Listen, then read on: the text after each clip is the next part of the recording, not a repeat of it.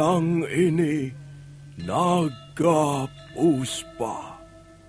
Selamatkan dia. Jangan sampai jatuh ke tangan pendekar berwatak jahat.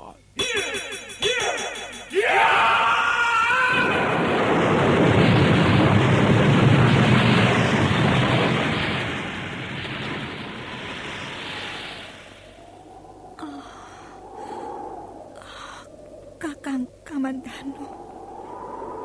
Kau... Kau masih juga tidak percaya bahwa aku... Aku mencintaimu. Mesin. Maafkan aku, Mesin. Oh. Mesin. Oh. Mesin!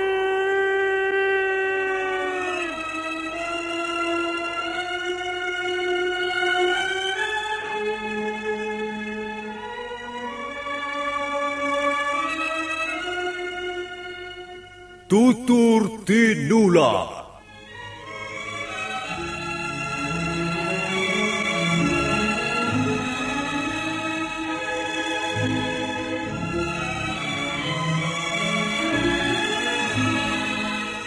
Sebuah sandiwara radio serial, produksi Sanggar Cerita dan Teater Sanggar Prativi.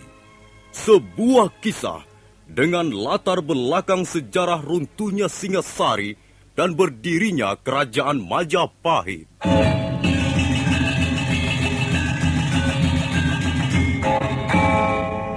Sandiwara ini didukung oleh pemain-pemain radio yang sudah ternama. Ferry Fadli, Ivone Rose, dan Eli Ermawati.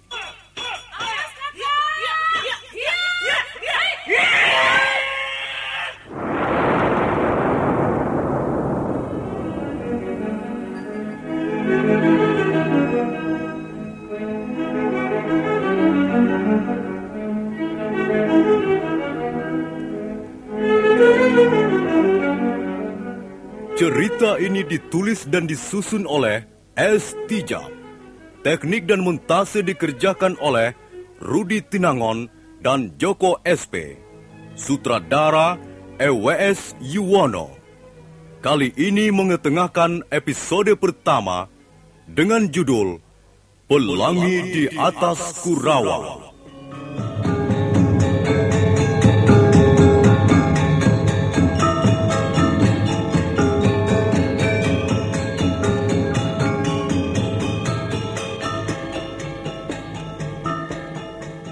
Dalam seri yang ke-8 ini didukung oleh para pemain M. Abud sebagai Arya Dwi Pangga, Ferry Fadli sebagai Arya Kamandanu, Kasdu Dewa sebagai Dipangkara Dasa, Lili Nur Indasari sebagai Nari Rati, Yuli sebagai Palastri, Eli Panca sebagai Nyi Rongkot, Eni Budiono sebagai Parwati, Nusri pembawa cerita. Selamat menikmati.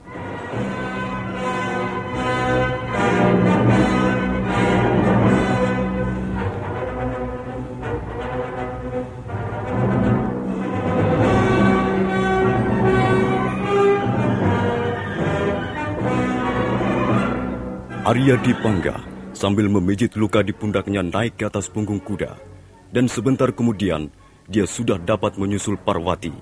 Gadis desa Tumangkar itu terus mencoba untuk lari dengan mengambil jalan pintas. Arya Dwi Pangga merasa kesal, tapi terus memacu kudanya ke arah desa Tumangkar.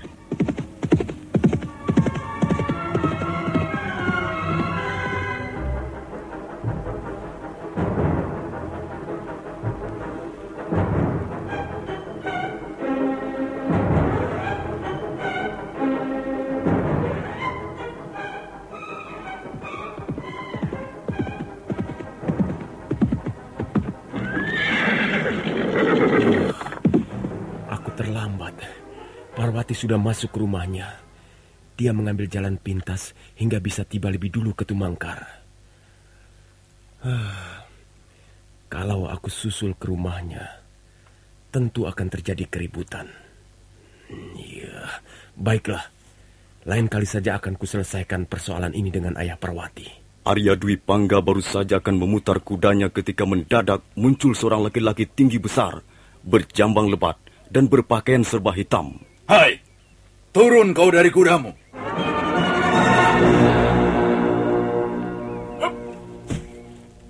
Pembantuku mengatakan bahwa kau yang bernama Arya Dipangga. Apa benar? Benar. Saya Arya Dwi Pangga. Nah, rasakan kepalan tanganku ini anak berandala. Iya! Ah, eh, tunggu, tunggu, tunggu. Apa salahku? Apa salahku? Kau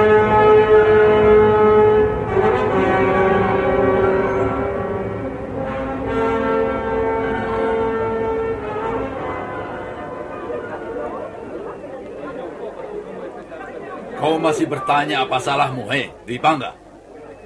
Kau sudah mempermainkan Parwati anak gadisku.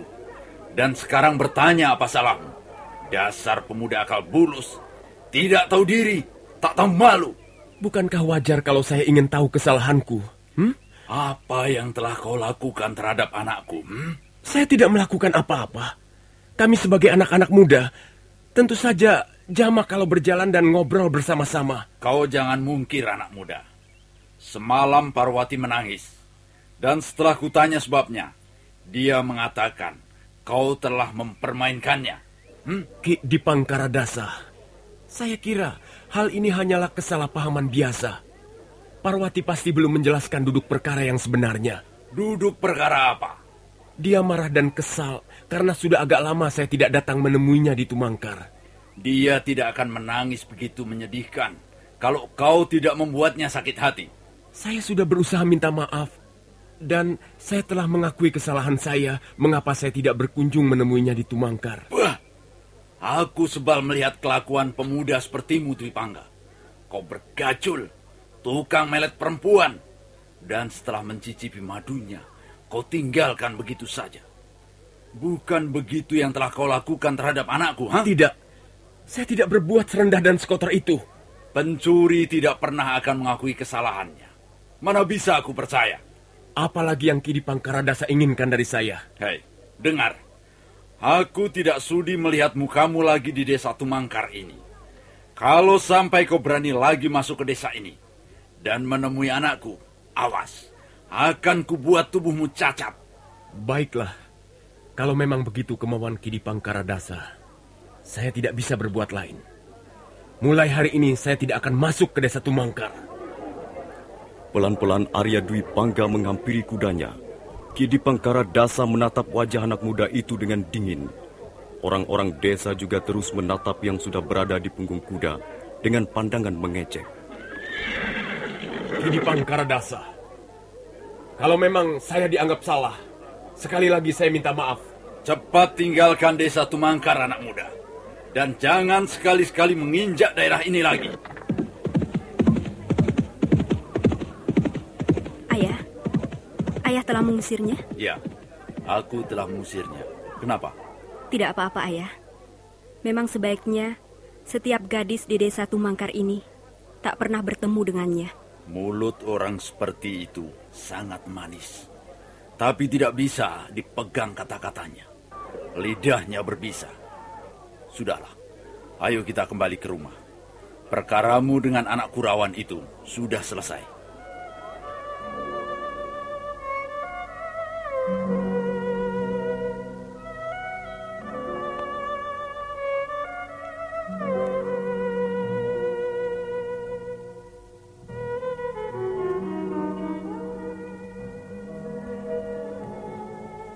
Pelangi itu muncul lagi, membuat garis melengkung ke langit tinggi. Daun ilalang diterpa angin gemersik, membangunkan tidurku dari mimpi buruk. Di batas tugu yang perkasa ini, kupahatkan namamu di atas pualam. Kupahat dengan bermandikan keringat kasih. Kalau kau tatap mega yang berbunga-bunga, di sanalah aku duduk menunggu pintu maafmu terbuka. Halus sekali perasaan yang terkandung dalam bait-bait syair ini. Tidak kusangka Kakang Kamandanu begitu pandai merangkai kata. Ah, apa yang harus kulakukan? Mungkinkah aku bertahan untuk tidak memaafkannya? Tidak, tidak mungkin. Syair ini semakin mengganggu ketenanganku. Sering terbawa ke dalam mimpi-mimpiku. Oh, Kakang Kamandanu. Baiklah, aku akan menemuimu besok di tempat seperti biasa. Aku tak akan membiarkanmu meratapi penyesalanmu, Kakang. Maafkan Nari Ratih yang telah berbuat kejam, Kakang. Maafkan aku.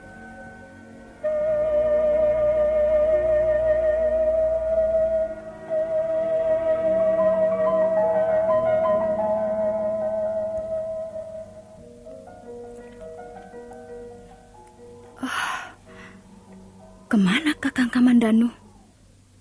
Mengapa tak kulihat di tepi padang ilalang ini?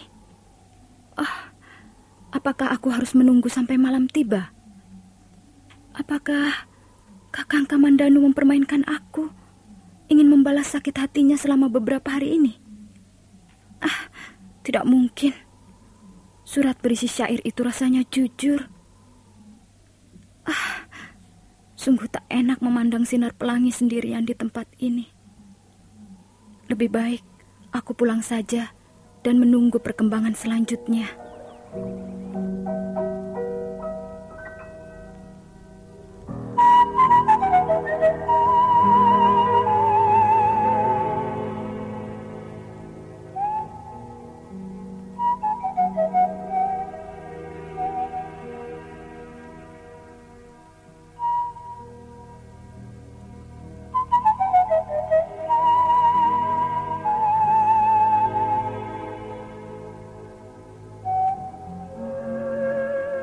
Bacalah syair ini, Palastri. Aku jadi semakin tak mengerti di mana letak kekeliruannya. Kau terima dari siapa syair daun lontar ini? Dari seorang anak kecil. Entah siapa dia. Aku tidak begitu mengenalnya. Dia buru-buru lari ketika aku mau bertanya. Coba kau baca, Palastri. Setelah itu, aku ingin mendengar pendapatmu. Baiklah. Pelangi senja mengantarkan burung-burung pulang ke sarangnya. Domba-domba pulang ke kandangnya. Tapi aku hendak ke mana? Apa yang kulakukan menjadi tak berharga. Selama senyummu masih kau sembunyikan di balik keangkuhan hatimu. Bagaimana pendapatmu? Jadi ini sudah yang ketiga kalinya? Ya, yang ketiga kalinya. Kemarin lusa, aku mencoba datang ke tepi padang ilalang. Lalu? Tak aku temui seorang pun di sana. Aku kesal. Akhirnya aku pulang lagi. Mengapa kau tidak langsung ke rumahnya? Ah, mengapa harus ke rumahnya? Kau datang saja secara baik-baik ke rumahnya untuk menjernihkan persoalan kalian. Tapi itu sudah keterlaluan, Palastri. Aku ini kan seorang wanita. Bagaimana aku harus datang ke rumah seorang laki-laki untuk urusan cinta? Bagaimana kalau orang-orang sampai mendengar hal ini? Tentu seluruh Manguntur menjadi geger. Tapi aku tidak menemukan cara lain lagi, Rati. Atau begini saja. Seperti yang dulu sering kulakukan. Aku akan kirim pesan melalui Nyi Rongkot, pembantunya yang setia itu. Nah, begitu juga baik. Yang penting kau harus segera menemuinya.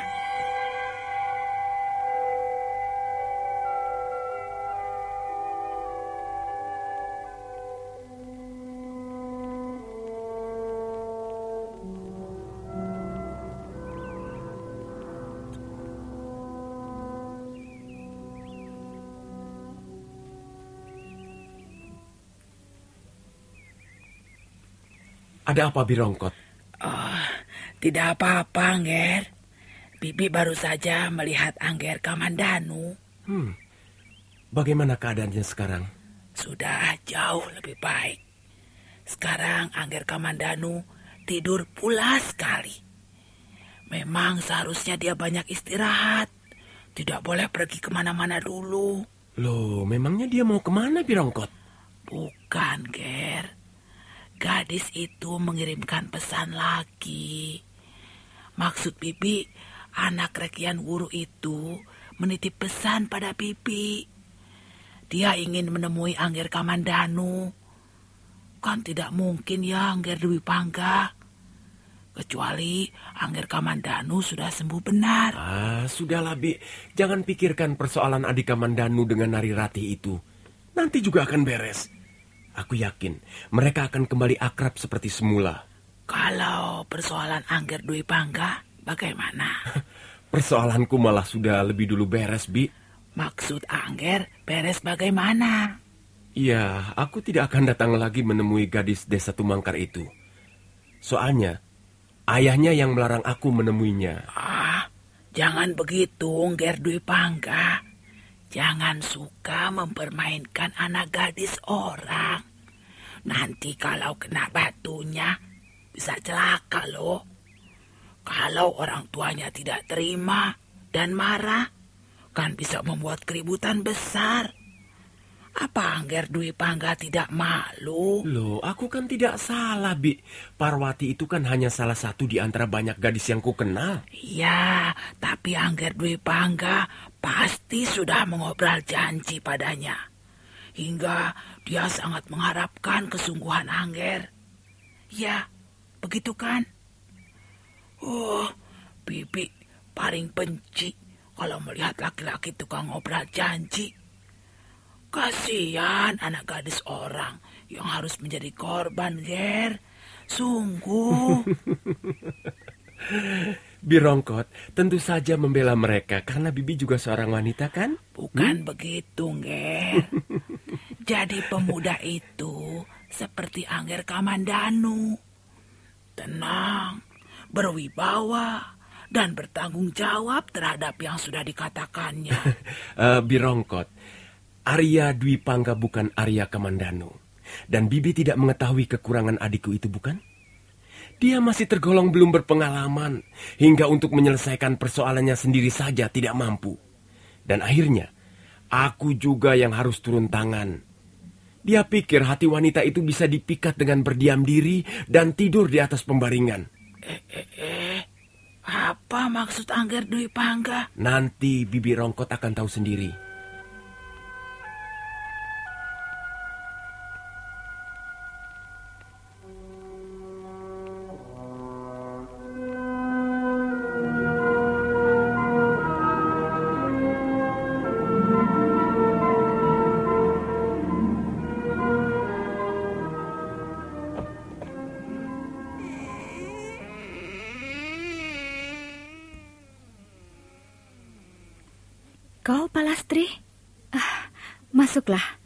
Bagaimana hasilnya, Rati? Sudahlah. Aku tak mau bicara soal itu lagi. Aku akan berusaha melupakan Kakang Kamandanu. Mengapa begitu? Karena dia pun agaknya juga sudah melupakan diriku. Ah, kau terlalu cepat mengambil kesimpulan. Tidak, Palastri. Aku malu kalau harus menitip pesan pada pembantunya lagi. Dan ternyata Kamandanu tidak sudi menemuiku. Kau tidak usah malu. Palastri, aku mau menyudahi saja persoalan ini sampai di sini. Aku tak ingin sakit hati untuk yang kesekian kalinya. Dengar dulu, Rati. Tidak, kau jangan membujuk aku lagi. Biarlah kalau memang aku harus kehilangan dia. Mungkin bukan jodohku, Palastri. Dengar dulu. Aku boleh bicara apa tidak, Rati? Bicaralah. Tapi jangan coba-coba membujuk aku lagi, Palastri. Kau sudah dewasa, bukan anak kecil lagi. Buat apa aku membujukmu? Tapi dengarlah keteranganku ini. Kau jadi menitip pesan pada pembantunya. Jadi, dan dia berjanji akan menyampaikan pesannya itu. Dan kau juga jadi datang ke tepi padang ilalang? Cukup lama juga aku duduk menunggu di sana. Sampai leherku pegal karena terus menengok ke arah biasanya dia datang. Apa kau belum tahu, Rati? Tahu tentang apa? Bahwa Arya Kamandanu sekarang ini sedang sakit. Sakit? Iya, sudah beberapa hari ini dia terbaring di kamarnya. Konon kabarnya sakitnya cukup berat. Ah, kau tahu dari mana, Palastri? Kemarin aku disuruh ayahku memanggil dukun urut ke Kurawan. Aku melewati jalan di dekat rumah Arya Kamandanu. Dan aku mendengar anak-anak muda sibuk membicarakan pacarmu itu. Katanya dia, Kamandanu itu sakit gara-gara jatuh cinta pada gadis Manguntur. Ah, Apa benar mereka berkata begitu, Palastri? Ah, untuk apa aku berdusta, Rati? Tentu saja apa yang kusampaikan ini semua benar. Nah, sekarang tinggal bagaimana kau sendiri? Hmm, kalau dia sakit, benar-benar sakit, tentu saja tidak bisa datang ke tepi padang ilalang. Mungkin juga pesanmu itu tidak disampaikan pada pembantunya. Mungkin juga begitu. Ah, sekarang bagaimana? Apa kau sampai hati membiarkan Kamandanu terbaring kesepian di kamarnya? Soalnya... Soalnya aku tidak tahu kalau dia sakit. Sudahlah Rati, kau datang saja ke rumahnya. Kau tengok dia, kau besarkan hatinya. Sekalian menyelesaikan persoalan cinta kalian. Baiklah, sekarang aku tidak mempunyai alasan lagi untuk tidak datang ke rumahnya.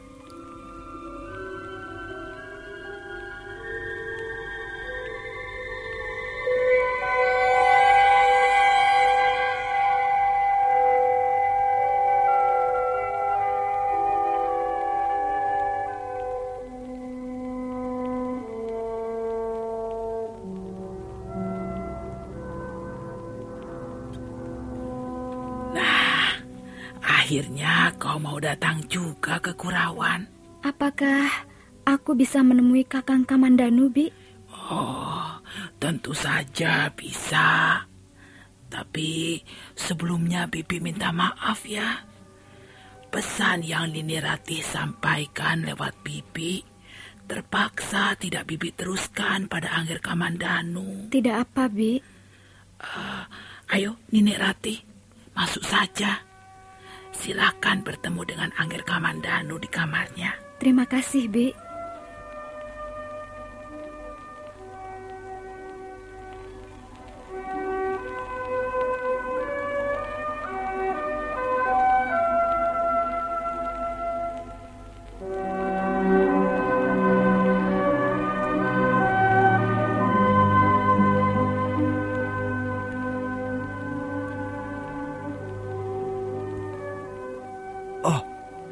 Nari Rati? Aku datang untuk menengokmu, Kakang. Bagaimana? Mengapa Kakang bisa mengalami luka-luka begini? Ah, tidak apa-apa, Rati. Hanya luka-luka ringan. Dan sekarang sudah mulai sembuh. Kau berkelahi dengan seseorang ya, Kakang? Tidak. Untuk apa aku berkelahi? Pelipis kirimu memar dan bibirmu masih membengkak. Kau jangan bohong padaku, Kakang. Siapa yang telah melakukannya, Kakang? Sudahlah. Jangan bicarakan soal sakitku ini. Tidak ada manfaatnya apa-apa. Lebih baik kita bicara soal lain. Bagaimana keadaanmu? Ah, aku baik-baik saja. Seorang kawan memberitahu aku bahwa Kakang Kamandanu sakit, maka buru-buru aku datang kemari. Terima kasih atas kunjunganmu ini, Rati. Semula aku tidak mau datang, Kakang. Kalau kau sibuk dan tidak mempunyai waktu, kau tidak usah memaksakan diri, Rati. Bukan soal itu. Aku tidak mau datang karena kesal. Kesal pada siapa? Pada Kakang. Oh, apa aku telah berbuat kesalahan, Rati? Ternyata bukan kau yang bersalah, Kakang. Tapi bibimu itu, Nyirongkot yang salah. Birongkot? Oh, aku belum begitu mengerti, Rati. Bukankah selama ini sudah tiga kali kau menulis syair untukku? Syair itu sangat indah. Hatiku tersentuh. Akhirnya, Aku sadar bahwa tidak pada tempatnya aku berkeras hati. Uh, tunggu Rati. Syair? Aku menulis syair? Iya, syair. Tiga kali kau menulis syair padaku. Sebentar Rati. Ini ada kekeliruan. Sebab aku tidak pernah menulis syair padamu.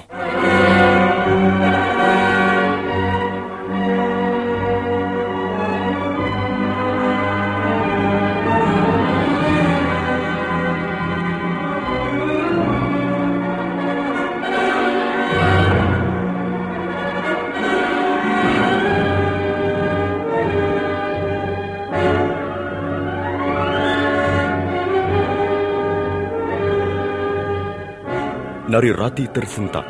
Wajah gadis remaja itu mendadak menjadi merah. Dia merasa malu sekali. Sementara Arya Kamandanu nampak berpikir, meraba apa yang telah terjadi. Nah, para pendengar sekalian, bagaimana kisah selanjutnya? Bagaimana sikap Arya Kamandanu dan Nari Rati mengenai syair-syair gelap itu? Silakan mengikuti jawabannya dalam seri berikut. Sampai jumpa.